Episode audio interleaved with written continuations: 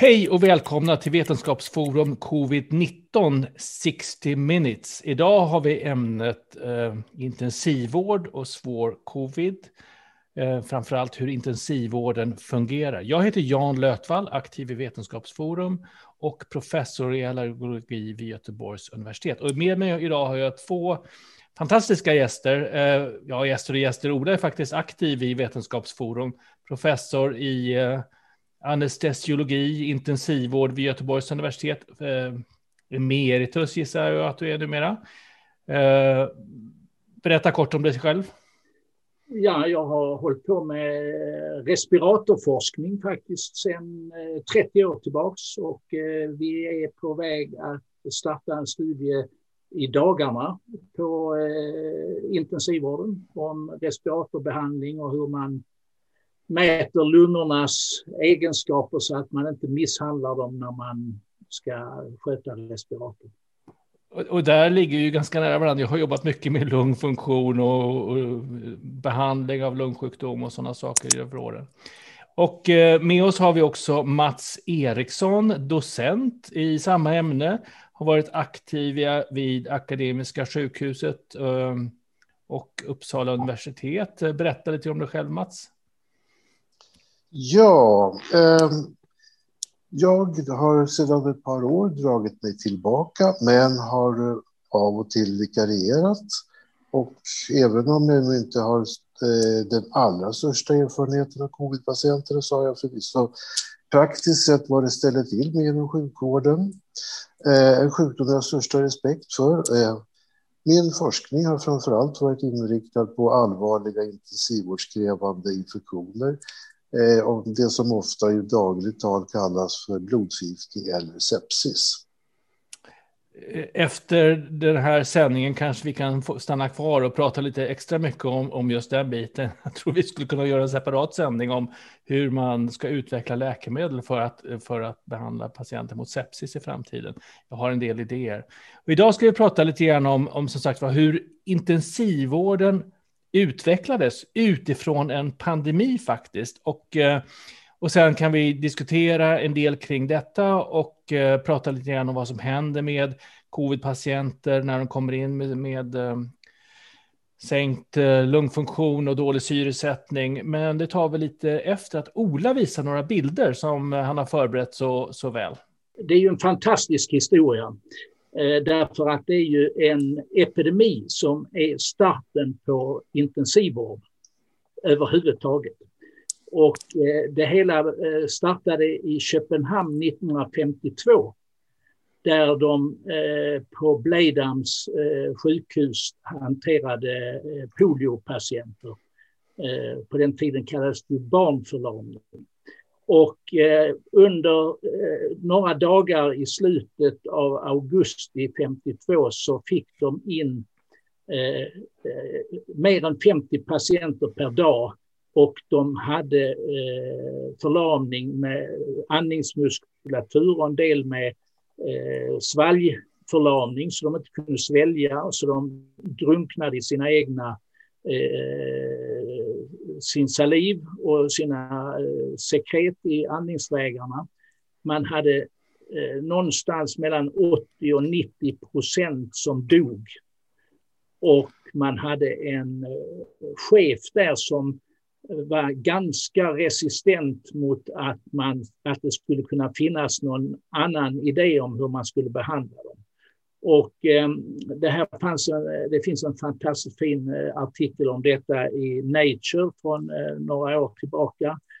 Och, och, det har skrivits eh, ytterligare artiklar om detta. Och det är en, eh, så här såg det ut med epidemierna från 1905 fram till 52. Ni ser att det är små utbrott här och sen så 1952 så ser det bara tjong och då är det 2,2 patienter per 100 000, nej per 1000 invånare och allihopa hamnar på detta sjukhus som har en så kallad tankrespirator, en sån respirator som patienten låg helt i. Jag ska visa bild på detta. Och så hade de sex eh, andra eh, respiratorer som också var eh, ganska eh, underpresterande. Så här så antalet inkomna ut från den 23 eller 22 juli så gick det rakt upp på några få dagar och, och, man var uppe i 320 fall som kom in per dag. Och man hade ju absolut ingenting att erbjuda i form av respiratorbehandling.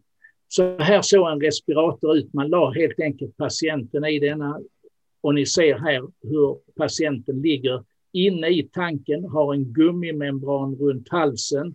Och i, i den här tanken så skapade man ett rytmiskt undertryck som gjorde att lungorna vidgades och så eh, skedde andningen på detta viset. Och det var ju otroligt svårt att hantera patienterna. Och man kunde sticka in armarna här genom olika öppningar. Och, och ni kan ju själv tänka er hur det gick till med att hantera avföring och urin i en sån här situation. Och de var inte särskilt välpresterande. Här ser ni en patient som ligger i en sån här och så här ser det ut på amerikanska sjukhus. Mass eh, respiratorer, alltså hur många som helst. Titta här på denna salen. 40-50 respiratorer där alla patienterna ligger på detta viset. Och en, en eh, dödlighet för de som hade höga förlamningar på, på 80-90 procent.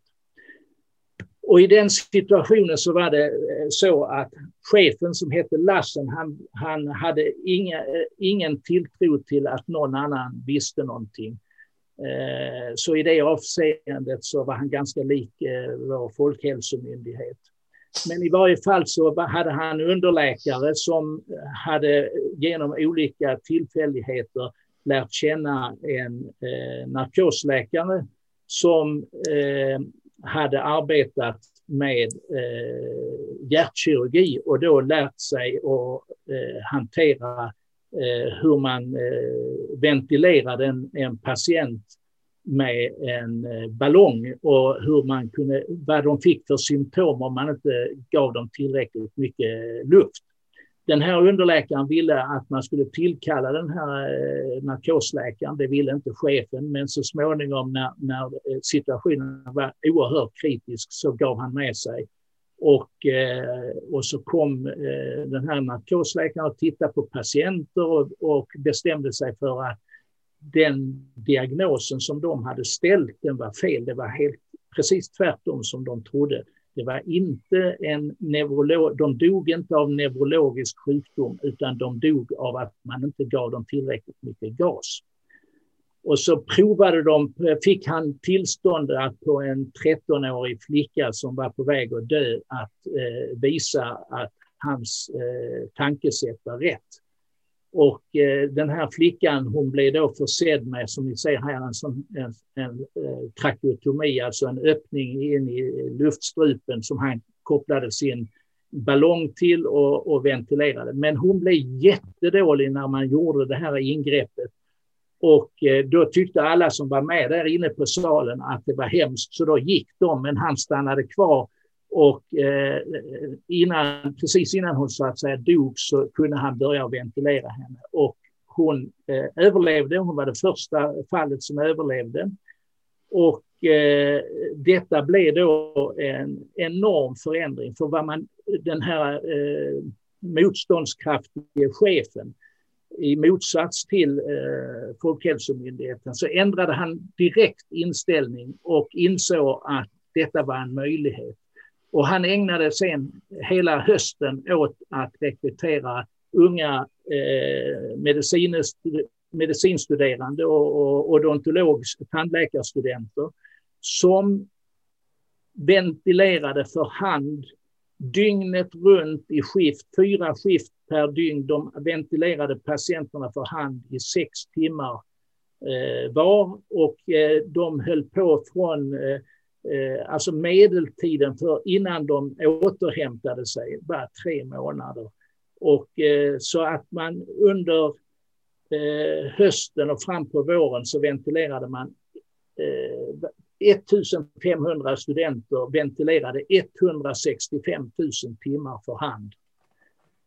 Och då var det så att eh, också lite grann i motsats till för närvarande så ansåg man i Sverige att eh, det, man visste ju att det skulle komma en epidemi i Sverige året efter och eh, i motsats till som det är nu så hade man ingen, ingenting emot att lära av, av danskarna, våra grannar, som ju hade kommit på en lösning. Därför att under denna hösten så sjönk dödssiffrorna från 80-90 procent ner till eh, 20 procent. Det var en sensation. Folk, eh, läkare reste från hela världen till Köpenhamn för att titta och lära sig. Och Medicinalstyrelsen, då var föregångaren till Socialstyrelsen, skickade två stycken experter, varav en var, hade byggt en respiratorprototyp eh, något år tidigare, ner till Köpenhamn eh, på hösten för att titta. Och det var ju väldigt intressant för att detta blev sen den första respiratorn som han kunde långtidsbehandla eh, patienter med. Och han hette Engström, eh, den här respiratorkillen. Och eh, han eh, utvecklade tillsammans med en vän, Herzog, en ny eh, respirator som blev en världsartikel. Den, den eh, fanns över hela världen, varenda land fanns denna ventilator. Och detta var alltså eh, vad som hände sen det var ju att eh, när eh, epidemierna i Sverige och i Danmark eh, så småningom försvann så hade man ju kvar de här respiratorerna på epidemisjukhusen. Och då blev det så att man eh, upptäckte ju att eh, patienter som efter stor kirurgi inte klarade sin egen andning så gjorde man en sån här trakeotomi och stoppade in en slang i, i luftstrupen och sen skickade man patienterna till, till eh, epidemisjukhusen där de blev eh, vårdade av eh, epidemiläkare. Och det blev starten på svensk och, eh, och världens eh, intensivvård.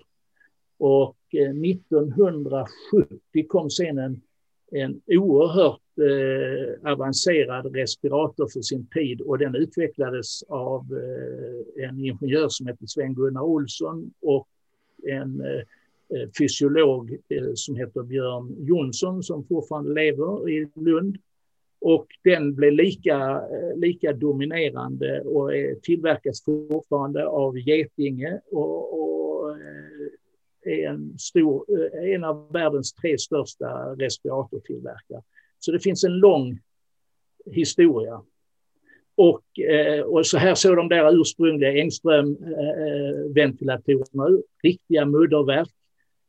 Och man hörde ju tydligt vad som pågick. Det var ju som någon form av, nästan som en ångmaskin, men fantastiska.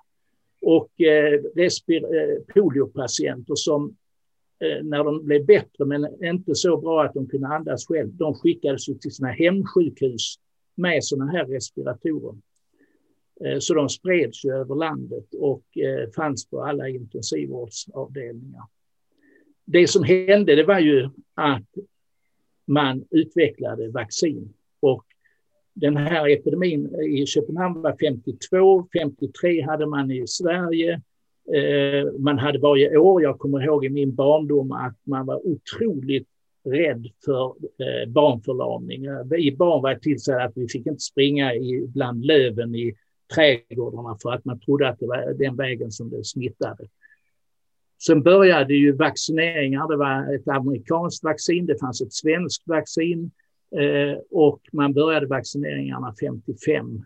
Eh, och man började med barnen därför att polio hette ju på den tiden barnförlamning. Och det var ju en katastrof alltså med alla barn som blev antingen dog eller fick livslånga eh, skador. Och eh, min far var eh, chef på epidemisjukhuset i Helsingborg. Och jag kommer ihåg att vi, eh, vi stod, alla mina kusiner och jag och mina syskon, vi stod på kö där för att bli vaccinerade. Och detta var innan eh, engångsnålar och engångssprutor så att eh, vi som var hans egna eh, barn. Vi stod längst bak i kön när, när spetsarna var lite trubbigare och hade hullingar. Så att dels tältade på vägen in och dels så följde ju huden med på vägen ut. Så att man var ju inte himla glad över det här. Men eh, eh det är det vi kallar en svår barndom. Eh, men eh, när man diskuterar om barnen ska vaccineras mot covid så, så på denna tiden, det var tre år mellan att man började utvecklingen av vaccinet och det 55 godkändes som man började använda det på barn. Det var denna polioepidemin som startade intensivvården som vi nu ska diskutera. Och det finns väldigt mycket likheter med eh, situationen idag. Men framförallt att vaccin, vaccinutveckling gick fantastiskt fort i det läget. Man ju säga. Ola, eller hur? Vaccinut, vaccinutvecklingen gick fort. Ja, alltså förbluffande fort. Jag tänkte, man sa ju nu att det var så extremt fort på ett år, men då, eh, det fanns ju en svensk som hette Sven Gard, tror jag, som var med och utvecklade ett eh, vaccin också. Jag tror att han och den här amerikanen eh, som på, eh, på, den tiden i Sverige hette Salk, men jag förmodar han hette Sork. Eh, de hade någon tävling och eh, det var nu ganska bitter stämning mellan dem.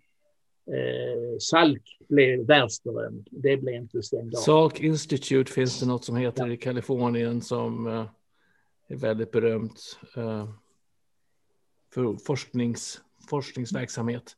Men jag, alltså jag tänker på en sak nu när vi har så mycket, man hade ju inget vaccinmotstånd. Utan det var ju en otrolig lättnad i samhället när vaccineringarna startade och, och eh, man kunde vara säker på att barnen inte skulle drabbas längre. Det är ju något som i covid-pandemin eh, har ett helt annorlunda synsätt.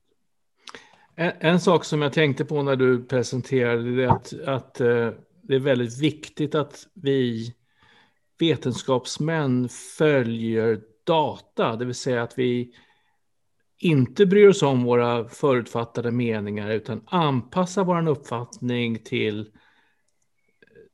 ja, förändrad information om man säger så. Så i det här fallet att eh, ventilering av en 13-årig flicka kan förändra behandlingen av en hel sjukdomsgrupp är ju, är ju helt fantastiskt. Det är en otrolig händelse. Och jag tänker på det här mantrat som vi hör eh, angående covid, att det är för tidigt att jämföra. Men mm. om man hade den attityden på intensivvården, att man inte ska jämföra utan man ska fortsätta behandla så som man gjorde när det började mm. i förra året, ja då skulle vi ha fortfarande samma dödssiffror som vi hade då. Det är självklart att man måste hela tiden ta till sig nya rön och nya erfarenheter. Mm. Får, jag, får jag koppla, koppla in här, eh, just med det här med att man måste revidera sina ståndpunkter med förnyad information. Eh, mitt, mitt exempel är i första hand då användandet av kortison på, på de här patienterna, covid-patienterna.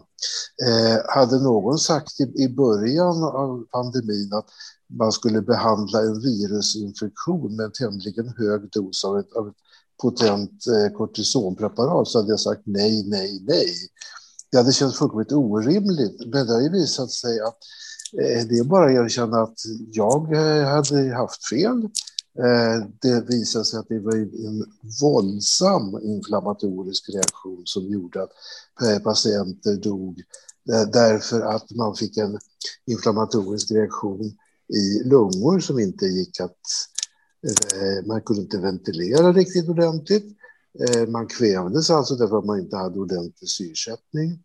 Och att genom att ge kortison och minska inflammationen så kunde man då förbättra syrsättningen. Och jag upprepar, hade, jag, jag hade inte trott på det till en början, men det är bara att erkänna att eh, man är överbevisad. På samma sätt så har vi också med eh, eh, blodförtunnande medel.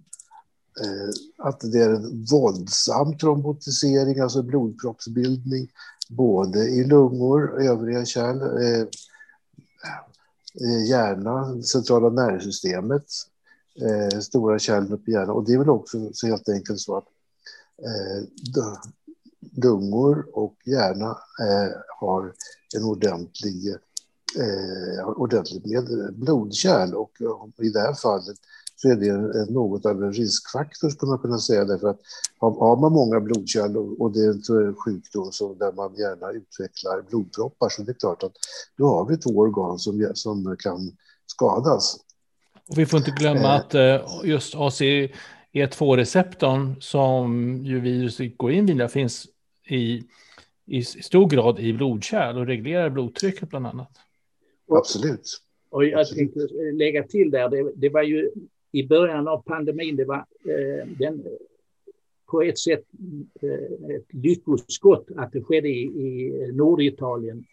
Därför att i Norditalien fanns eh, och finns eh, världens absolut främsta eh, ventilationsforskare, respirator eh, och lungsviktsforskare.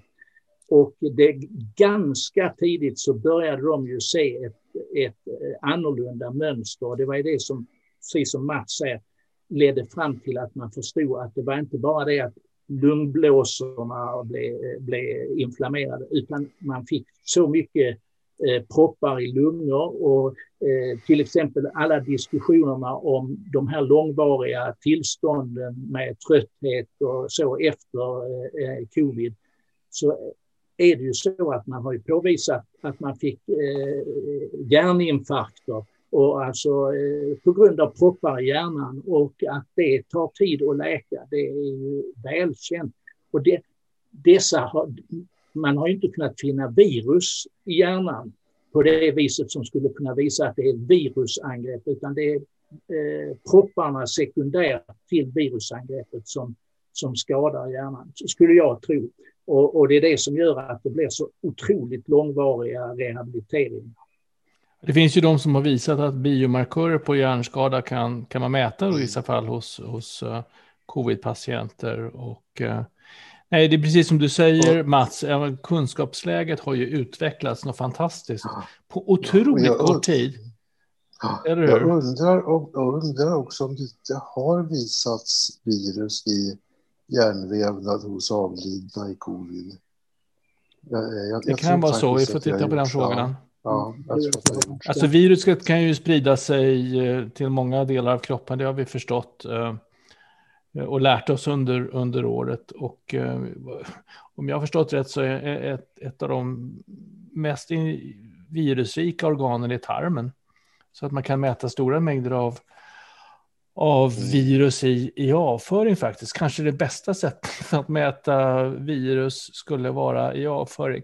Elisabeth Wall skriver här att hon minns så väl hur hennes mamma var rädd för lövhögar, för man trodde på den tiden att det var löven som, eh, som spred. Eh, och, och, det är det här med förutfattad mening eller fantasi kan man säga om hur en sjukdom sprids. Eh, vill du prata om det, Ola, kort om hur polio sprids? Ja, nej, men alltså, det var, det, varje höst var det ju eh, det, denna skräck, skräcken att man, att, eh, tror jag, framförallt hos föräldrarna, jag, jag måste erkänna jag hade inte några sådana tankar utan jag ville ju bara spela fotboll och, och hålla på med sånt. Men de ville ju absolut inte att man rörde sig i trädgården. Och då var ju ändå min far eh, eh, chef på epidemisjukhuset och, och ganska väl insatt. Men eh, han, var, han fruktade polio. Mer än... har man ju lärt sig då att polio sprids eh, som förorenat vatten eller fekal smitta egentligen, det vill säga om man torkar sig i skärten och råkar ha, råkar ha virus på händerna och kan man sprida det till andra. Eh, och, och, och, det är så polio sprids. Men nu vaccineras ju alla för polio, i stort sett alla för polio. Och ingen människa, tror jag, vill ha ett barn som inte är vaccinerat för polio. Eller vad säger vi, Ola? Absolut. Alltså det, det, det, är en fantastisk framgång att, att eh, vara med det. Så, så man, och, det, och det sprids, polio sprids inte via lövhögar, precis som covid-19 inte sprids via, via eh, vad heter det, skaka hand-kontakt eller dörr, dörrhandtag eller, eller eh, jag kommer ihåg själv hur vi stod här, jag och min fru, och tvättade maten när vi hade varit handlat med plasthandskar på oss. Det har vi slutat med helt och hållet. Men däremot har vi munskydd på oss. För det är luftburen smitta som man säger. Ja, ja. Eh, Eh, Mikaela Johansson frågar här, vad är det hos viruset som inducerar blodpropparna? Är det immunförsvaret som löper amok och bringar skada i den egna kroppen? Eh, Mats, har du någon kommentar på det? Där? Ja, man kan säga att det finns ju en väldigt stark koppling mellan eh, immunsystemet, det inflammatoriska systemet och eh, koagulationen. Och, och, det är helt enkelt så att där så finns det eh, eh, via olika system som aktiveras och eh, en, en, en gemensam punkt helt enkelt där, där viruset slår och resulterar i inflammation och eh, ökad koagulation, blodproppsbildning. Och vi får inte glömma det också att, att när blodkärlens innervägg öppnar sig eller skadas lite grann, då får, det, får ju blodplättar och annat tillgång till vävnaden och då aktiveras eh, de här blodplättarna och eh, skapar en, när du tror, tror, att det är en skada där som måste stoppas som, som, så att inte blodet ska försvinna ut i, på fel lägen i kroppen, eller hur Mats? Ja, alltså kroppen är ju så sinnrik så att det finns ju i normalt sett frisk eh, kärl på insidan så är den aningens, aningens negativt laddad. Och samma med blodplättarna, de, de är också aningens negativt laddade, det vill säga att de repelleras. Så att eh, blod, blodplättarna håller sig snällt och väldigt... Exakt. De, blodplättarna håller sig i mitten av blodströmmen och uh, undviker då uh, på grund av de elektromagnetiska effekterna uh, repellerande krafter så kommer man inte i kontakt med kärlväggen normalt. Men vid en kärlskada, då kommer blodplättarna... Ja, ja eller, eller som vi ser också vid, vid, eh, vid kärlsjukdom, och det är en av de eh, grundläggande principerna för hjärtinfarkt. Mm. När det blir en skada i kärlväggen, eh, blodplättarna uppfattar detta som en skada som ska täppas till för att hindra en blödning och precis eh, tvärtom. Och det blir alltså kontraproduktivt, det vill säga att man stoppar blodflödet till del i hjärtat. Men det, det är den mekanismen. Vi har väldigt mycket folk som är väl pålästa, mer pålästa än, än, vad jag tror att jag själv är faktiskt i den här publiken. Otroligt kompetent publik har vi. Klaus Röjen frågar, fungerar Xarelto mot dessa proppar? Och då kan jag erkänna att jag vet inte vad Xarelto är. Men det vet säkert Mats. Ja, det, det är eh, ett nya eh, preparaten som används för att ersätta det gamla revgiftet varan. Mm. Eh, NOAC brukar de kallas och det är då, eh, nu ska vi se vilken, faktor, faktor 10 tror jag att det är som, som det, eh, men, men, men det, det ska jag inte säga på rak Men, men eh, det är alltså... Man, en bit av koagulationssystemet som är, mm. det är bland det svåraste att läsa på i hela medicin, medicinkursen tycker jag. Du förstår koagulationskaskaden, liksom, alla kedjor av händelser som sker. Ja, ja. Eh, men, ja, men faktor 10 säger du? Vad säger Ola? En, en, det finns en professur på varje faktor. Ja, minst. men, men jag, skulle, Ungefär. Jag, jag skulle vilja äh, lägga till, jag intervjuade min äh, tidigare doktorand Sofie Lindgren som, som var chef på äh, Sahlgrenskas intensivvård under den första vågen. Jag pratade med henne tidigare idag och frågade henne vad hon ansåg var det den största eh, förbättringen eh, som gjorde att man fick en minskad mortalitet på intensivvården. Och då så eh, var det några faktorer som hon sa. Det första var att det fanns en samvariation mellan belastningen på intensivvården. Så fort belastningen gick upp så ökade mortaliteten därför man hade ju på två, tre veckor under första vågen så byggde man ut intensivvården till nästan tre gånger det, det tidigare. Och det hade man ju inte eh, utbildad personal till, så det blev en uttunning av personalen och eh, en lägre kompetens, men man kunde i varje fall ta hand om patienterna. Så belastningen, och det är fortfarande så att när belastningen ökar så ökar mortaliteten. Och det andra som hon såg, Eh, det är eh, när man, eh, just detta med, med propparna, när man förstod att man måste använda mer än dubbelt så höga profylaktiska doser mot proppar som man gör i vanliga fall. Alltså man gick upp i mycket höga doseringar. Och då slapp man ifrån det här med att man fick njurskador så man måste använda eh, olika former av eh, dialys för att sköta njurar och så vidare. Och man fick bättre lungor också. Så det ansåg hon var en, en mycket stor del av, av eh, framgången. Bortsett från, vilket ju är väldigt intressant, att belastningen är så direkt kopplad. Så när vi, man pratar om att eh, nu är det bara 80 procent av eh, intensivvårdsplatserna som är, är belagda med covid. Men detta är ju så att då är 20 procent belagda med icke-covid. Och ju, så fort covid går ner så börjar man att försöka beta av vårdskulden och då fyller man intensivvården med icke-covid-patienter. Så på intensivvården så är det i stort sett lika tungt oberoende av vad Socialstyrelsen säger på sina presskonferenser om hur många procent som är belagda med covid.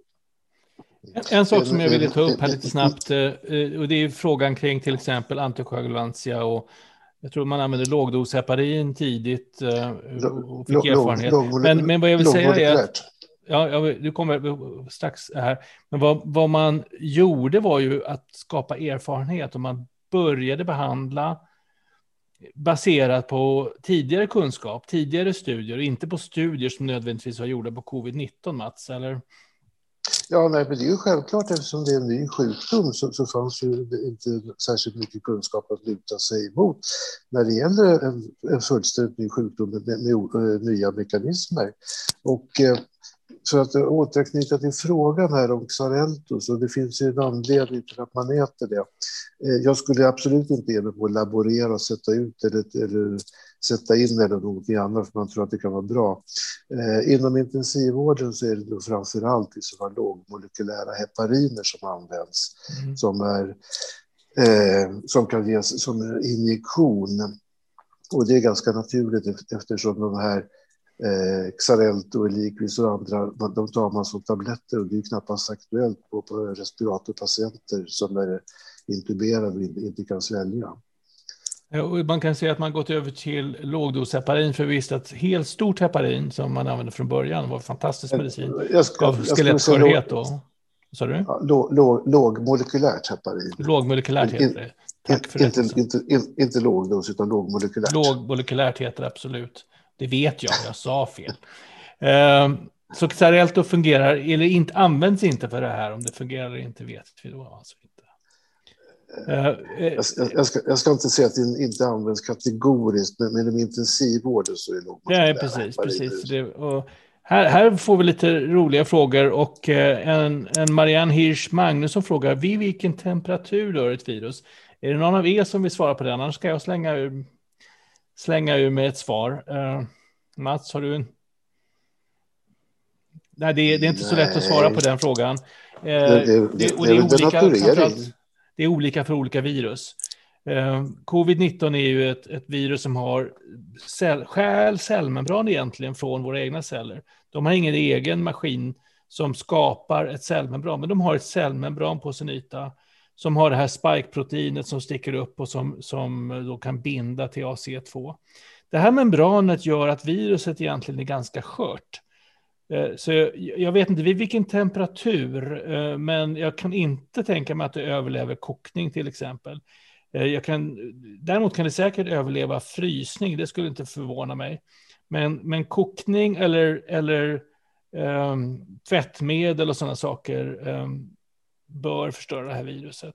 Allmänt svar på när virus dör, det har vi nog inte kompetens i rummet. Vi får ta in Anders Wahlne igen och så får han korsförhöras om det. Siv har en fråga som kanske någon av er kan svara på. Och, eh, mardrömmar om, eh, om, hos respiratorpatienter och de som ligger hos IVA, de som ligger hos er och, och, och drömmer hemska drömmar. Varför gör de det? Mats. Är det drogerna? Är det, Är det stress för kroppen eller är det? Det, det, det, är väl antagligen en kombination av att man av och till kan vara lite vaken.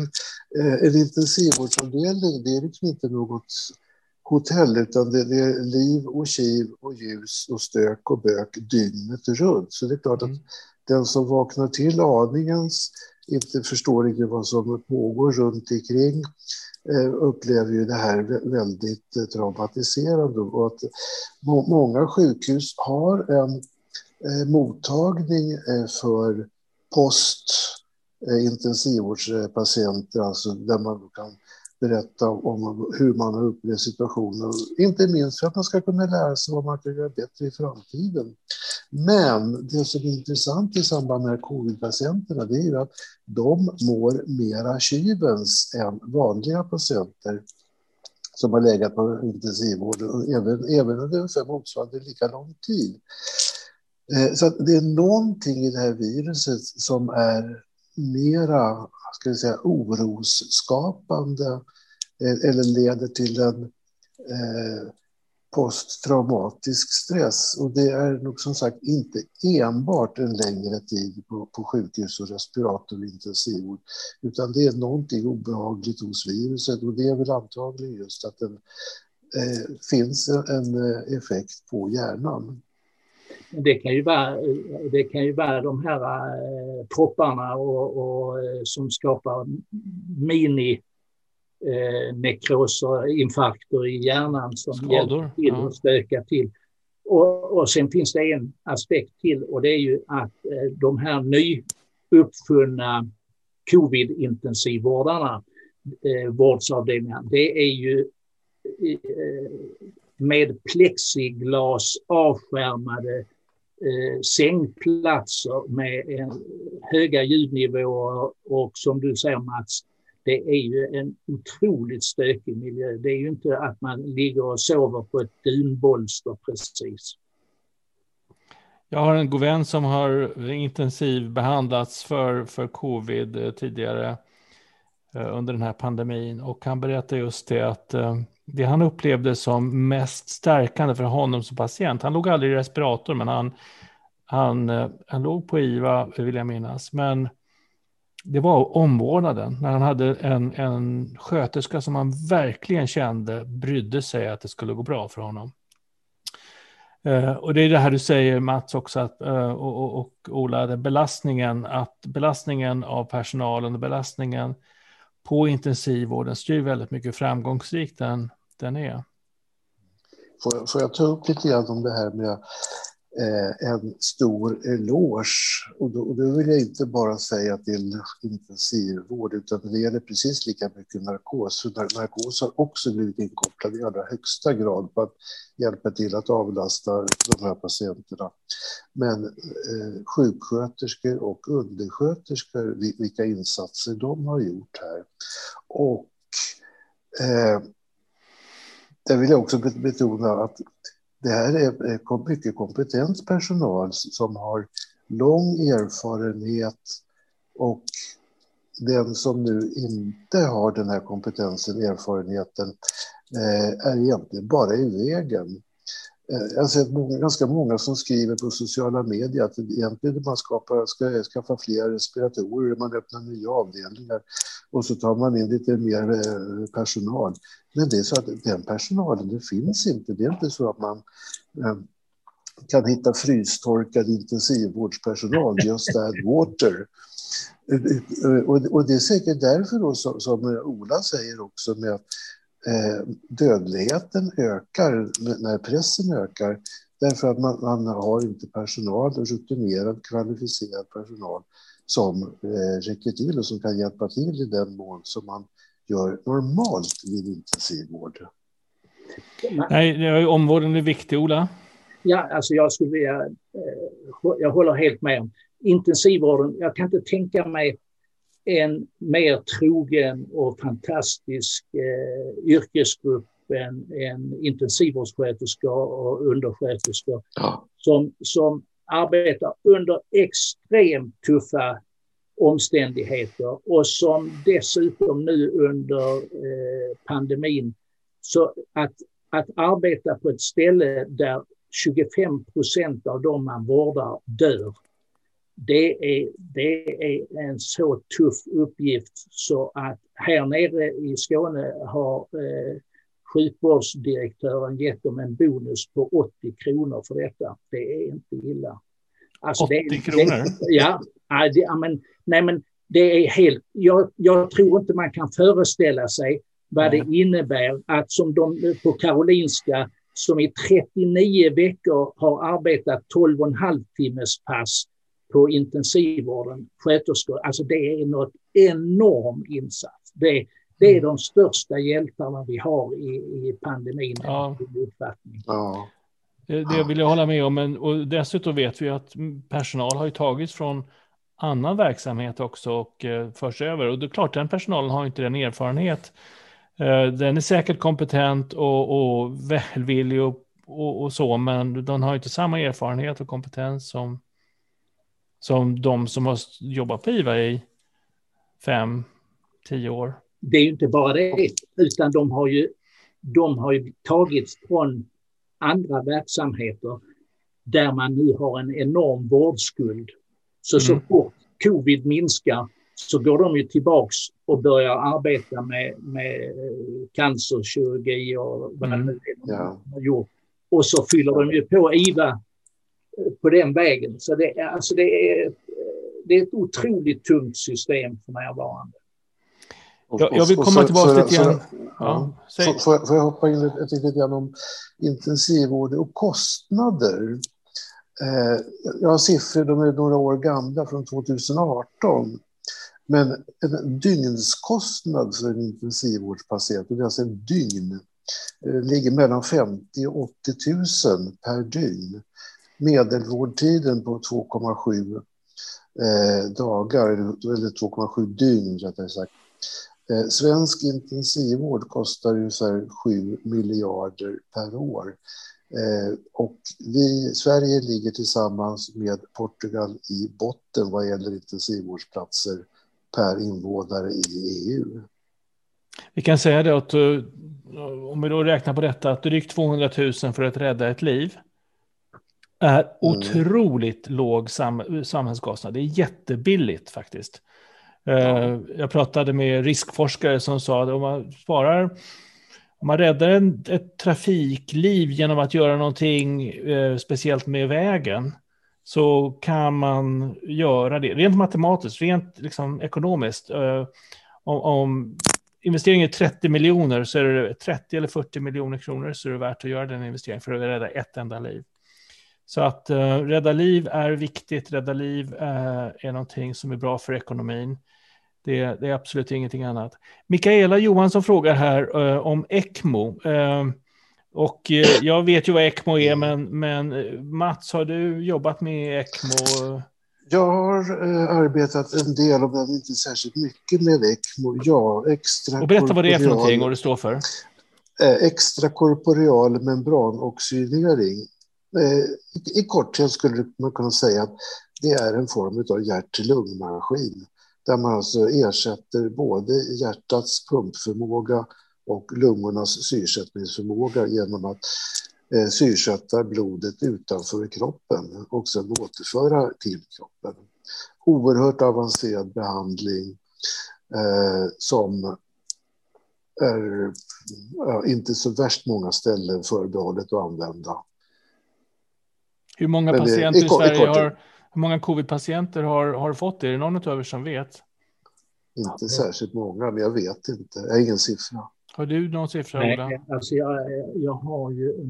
Jag ska kolla här. Jag har en, en Fusklapp. Från, från intensivvårdsregistret. Jag är osäker på om jag kan hitta detta. Men jag, ska, jag gör ett försök om. Medan du gör det försöket, Ola, så tänkte jag fråga Mats lite grann vad som händer med en patient som kom, kommer in med andfåddhet eller svårt att andas och covid och vad kedjan är från det att de levereras till akuten egentligen, akutmottagningen och, och, eh, och det kan man väl säga jämföra med andra typer av sjukdomar som blodförgiftning eller så. Men vad, hur sker det här ungefär?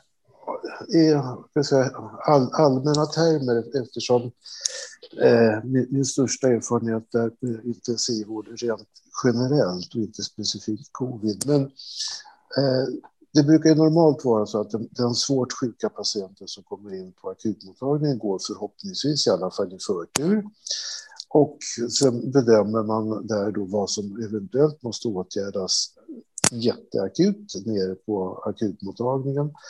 Vanligtvis är det så att man gör några åtgärder och i så fall på en svårt sjuk patient, exempelvis en blodförgiftning eller vad det nu kan vara, sepsis eller svår infektion. Eh, Ta kontakt med narkosjour, intensivvårdsjour eh, och diskuterar. Och sen så får man helt enkelt eh, diskutera igenom det här. Är det här en lämplig patient? Förhoppningsvis så finns det då utrymme på avdelningen för att man ska kunna ta emot den patienten. Och eh, man hjälps, helt, man hjälps helt enkelt åt att föra upp den patienten från akutmottagningen till intensivvårdsavdelningen. Eh, beroende på om det är ett olycksfall istället med trafikolycka så kan man eventuellt gå via röntgen för att få det klarlagt. Men eh, det, det, det, det betonas väldigt mycket behovet av kommunikation mellan kollegor här. Mm. Och, och motsvarande även då med, med sköterskor som har tagit hand om och att de vidarebefordrar sin information. Eh, och, sen, och sen om det är någon som ska läggas i respirator på en gång eller hur man nu gör. Eh, Högflödessyrgas har jag förstått. Högflödessyrgas har jag förstått är viktig. Det, det, är ju, det, är ju, det är ju också någonting relativt nytt som mm. har uppstått. Eh, och det är ju någonting som, som har visat sig att eh, med hjälp av högflödessyrgas så kan man undvika respirator i många fall. Och vilket ju naturligtvis eh, är tacksamt eh, ur många aspekter för att det är liksom ingen, definitivt ingen sinekur att ligga i respirator.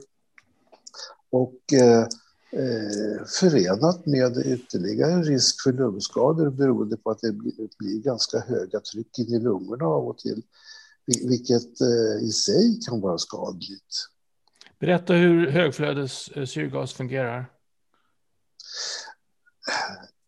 Jag, egentligen så kan jag nog bara säga att med en vanlig mask, eller rättare sagt inte en vanlig mask, men en uh, mask framför ansiktet, över näsan, munnen, och, och sen så blåser det på syrgas i högt flöde.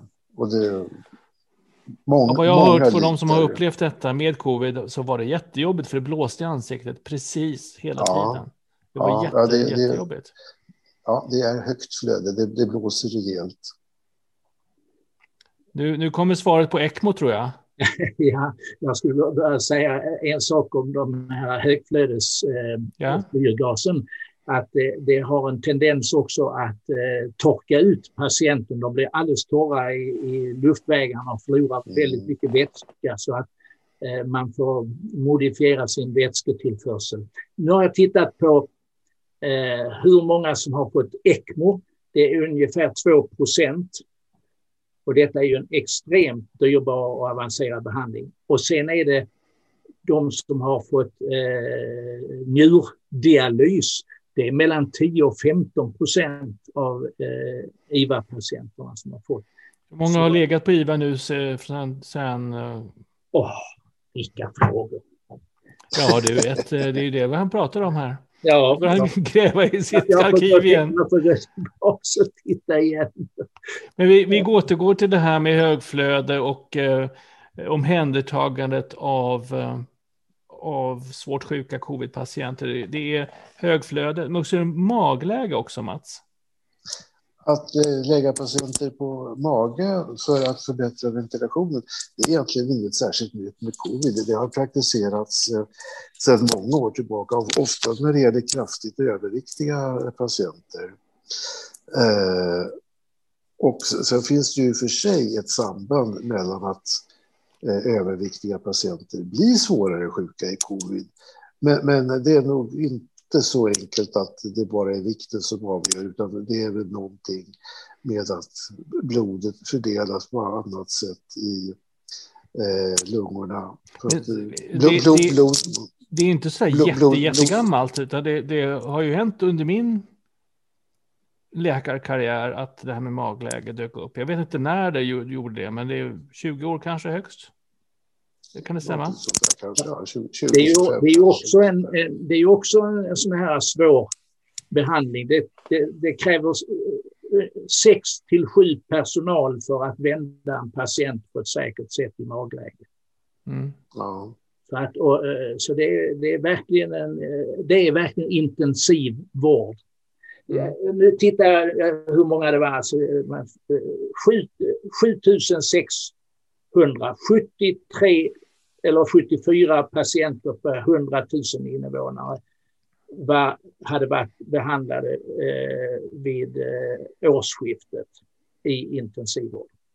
Och sen finns det ju ytterligare ett antal tusen som... Ja, så är det massor som eh, eh, inte har varit på intensivvården. Ja, vi har ju, jag vet inte hur många som har dött, men det är nästan 15 000 som har Ja. avlidit. Så uppenbarligen väldigt många som har avlidit har aldrig, aldrig sett en intensivvårdsplats, antar jag. Uppenbarligen inte, det är omöjligt förstås. Det är matematiskt omöjligt, ja. Mo- Mortaliteten på intensivvården är, ligger mellan 20 och 25 procent. Varierar Mm. från olika sjukhus beroende på hur belastade de har varit. Eh, men eh, sett internationellt så är det mycket, är det mycket låg mortalitet för så, en så svår sjukdom. Eh, Jonas Walfrid frågar här varför man inte använder CPAP. Och det är ju en lite snällare maskin som egentligen hjälper snarkare eller de som har sömnapné som det heter, som slutar att andas mitt i natten. Eh, varför används de inte i, i Sverige? Eh, det, det gör de ju förstås, men eh, det kanske inte är ett intensivvårdsinstrument, eller vad, vad säger ni? Jag skulle vilja säga att det är otillräckligt i de här fallen. Mm. Och, och, och Jag vet det, inte om Ola, har Ola annan uppfattning eller? Nej, Nej, men jag tror att det är också det att det, kräver täta mask, eh, masker eh, och, och är besvärligare att eh, applicera än högflödessyrgas Ja, ja. utan att ge så himla mycket mer. Jag kommer till en annan viktig fråga som står här också om en liten stund, men in- innan, innan det så, vad är de stora framstegen? Vad är det som vi har gjort som hjälper? Ja, det är högflödessyrgas som man har använt och det är magläge. Det är kortison i höga doser, då pratar vi om prednisolon eller ja men, eh, eh, Dexamethason. dexamethason i huvudsak. Ja, Och så är det då antikoagulantia. ja, Och de här sakerna räddar liv. Och en, i sak, högsta grad. ja, och en sak som har spelat stor roll det är att eh, efterhand så har det här med eh, sen ankomst som var mycket vanligt i början av Mm. eh, pandemin. Att pass, det, den allmänna budskapet från Folkhälsomyndigheten och Socialstyrelsen det var ju att man skulle inte belasta sjukvården. Så folk låg ju hemma tills och så kom de in till sjukhuset och då blev de rakt in på intensiven för de kom så sent och var så dåliga. Det har blivit bättre. Men där är det också så att varje gång smittspridningen ökar ute i landet så ökar belastningen och då kommer folk senare. Jag har, jag har en bekant, det här, som är sjukvårdskompetent, som eh, hade mätt sin egen POX, det vill säga syrgasmättnad i blodet med en sån fingermätare. Och hade då konstant under sin pågående covid, eh, vissa dygn, 87 procent. Och så ringer hon och då får hon säga, nej, stanna hemma. Ja, det är hemskt. Ja, det håller vi inte med om. Den. Eh, Ulrika frågar här då lite grann, och det är ju det här med resursbrist och prioriteringar. Det är bland den svåraste fråga vi har. Och det, det har uppenbarligen hänt saker och ting tidigt i pandemin, framför allt Ola, som du nämnde, där man inte riktigt har tänkt igenom hur de här frågorna ska, ska tacklas, om man ska vara ärlig. Hur görs då urvalet om det finns ett begränsat antal eh, IVA-platser? Ehm, hur prioriteras? Och jag, jag menar, prioritering av sjukvård görs ju hela tiden och, och, och alla vi läkare har varit med om det någon gång. Ehm, det, det kallas ju tri, triage och det är liksom det, det, när det är riktigt stora olyckor eller katastrofer eller en olycka med många, många skadade så prioriterar man de som man bedömer skulle kunna överleva. Så det är inte konstigt. Men hur görs det här urvalet i samband med covid? Är det någon av er som vill tackla den tuffa frågan? Ola vill börja. Ja, alltså det intressanta är att ja, om man pratar med de som, eh, läkarna som jobbar i intensivvården så säger de att prioriteringen har inte varit att eh, inte ta emot covid-patienter utan prioriteringarna är vad gör man med alla de andra som borde eh, ha opererats och, och, och skötts? Det är där de riktigt svåra avvägningarna, cancerpatienter som har uppskjutits på olika sätt och, och utredningar som inte har gjorts och, och så vidare. Jag tror att det är där det allra värsta, för att hos eh, narkos och intensivvårdsläkare så är det så den som är sjukast kommer rakt in och det innebär att covid-patienterna kommer in. Och så stänger man ner den elektiva vården så att man kan ta hand om covid-patienterna. Så att det är, jag tror att det är eh, prioriteringarna i, i det här vårdskuldsberget som är den, den riktigt tuffa historien. Och den vet vi inte mycket om idag. Mats? Ja, jag, jag, jag håller helt och hållet med där. Och det innebär rent logiskt att den allra största och svåraste prioriteringen och triagen, eller inte akut triage, men prioritering, det kommer vi nog att ha framför oss. Mm. Det vill säga, vilka av alla de här patienterna som borde ha opererats redan ska prioriteras och vilka ska nedprioriteras. Det handlar, ju, att, det så, handlar kanske inte alltid om att säga ja eller nej, det handlar om när också. Ja. Och, och, och nu kommer de ju, och, eh, sannolikt efterhand som covid minskar, så kommer man att minska antalet eh, IVA-platser tillbaks mot det tidigare. Och där kommer det ja. vara tuff belastning med mm. alla som har eh, samlats i vårdskuldsberget. Ja, och eh, jag tror att både Ola och jag har säkert stått ett antal gånger med dåliga patienter och letat intensivvårdsplatser även på stora sjukhus och ringt runt och så vidare. Och det är inte bara en gång som man, man har, har, fått ringa till eh, i värsta fall eh, även andra sjukhus. Men, men, om man tar för min del med akademiska så finns det flera olika intensivvårdsavdelningar där man kan ringa till snällt och vänligt. Har ni en plats? Och det är definitivt inte så att eh, man har platser så att man kan gödsla mer om man tar in patienter, utan tvärtom. Det är ofta väldigt hög beläggning. Det kan man säga också att det här med platser, vi lurar oss själva lite grann när vi pratar om platser, för det, det är inte särskilt mycket fråga om kvadratmeter egentligen och det är inte särskilt mycket fråga om sängar heller, utan det är inte frågan om personal och resurser. Men vi, vi lurar oss själva i det. Vi pratar väldigt gärna om platser. Eh, men, men det är egentligen att, att vi, som sagt, vi lurar oss själva när vi säger det. Kompetent personal. Ja, kompetent ja. bemannade platser. Ja. Mm. Precis. Eh, en sista, sista fråga här. När man då har legat på intensiven och eh, släpps ifrån sitt eh, ifrån sin respirator. Eh, vad, hur, vad tar det för en, hur lång tid tar det innan man kan skrivas ut från sjukhuset? Hur länge är man på rehabilitering och, och, och hur, ser, hur ser framtiden ut från en sån här individ? Någon som vill ta den frågan? Mats. Mats börjar. Ja, mycket, mycket längre än vad man skulle önska. Det är mitt korta svar. Och, och, och du, vi sa innan, om, om, om, innan vi började sändningen så nämnde du att intuberingsperioden är ju ganska lång. Vi ska ju säga det också att, att vi intuberar, vi sätter in en slang via halsen på de här patienterna.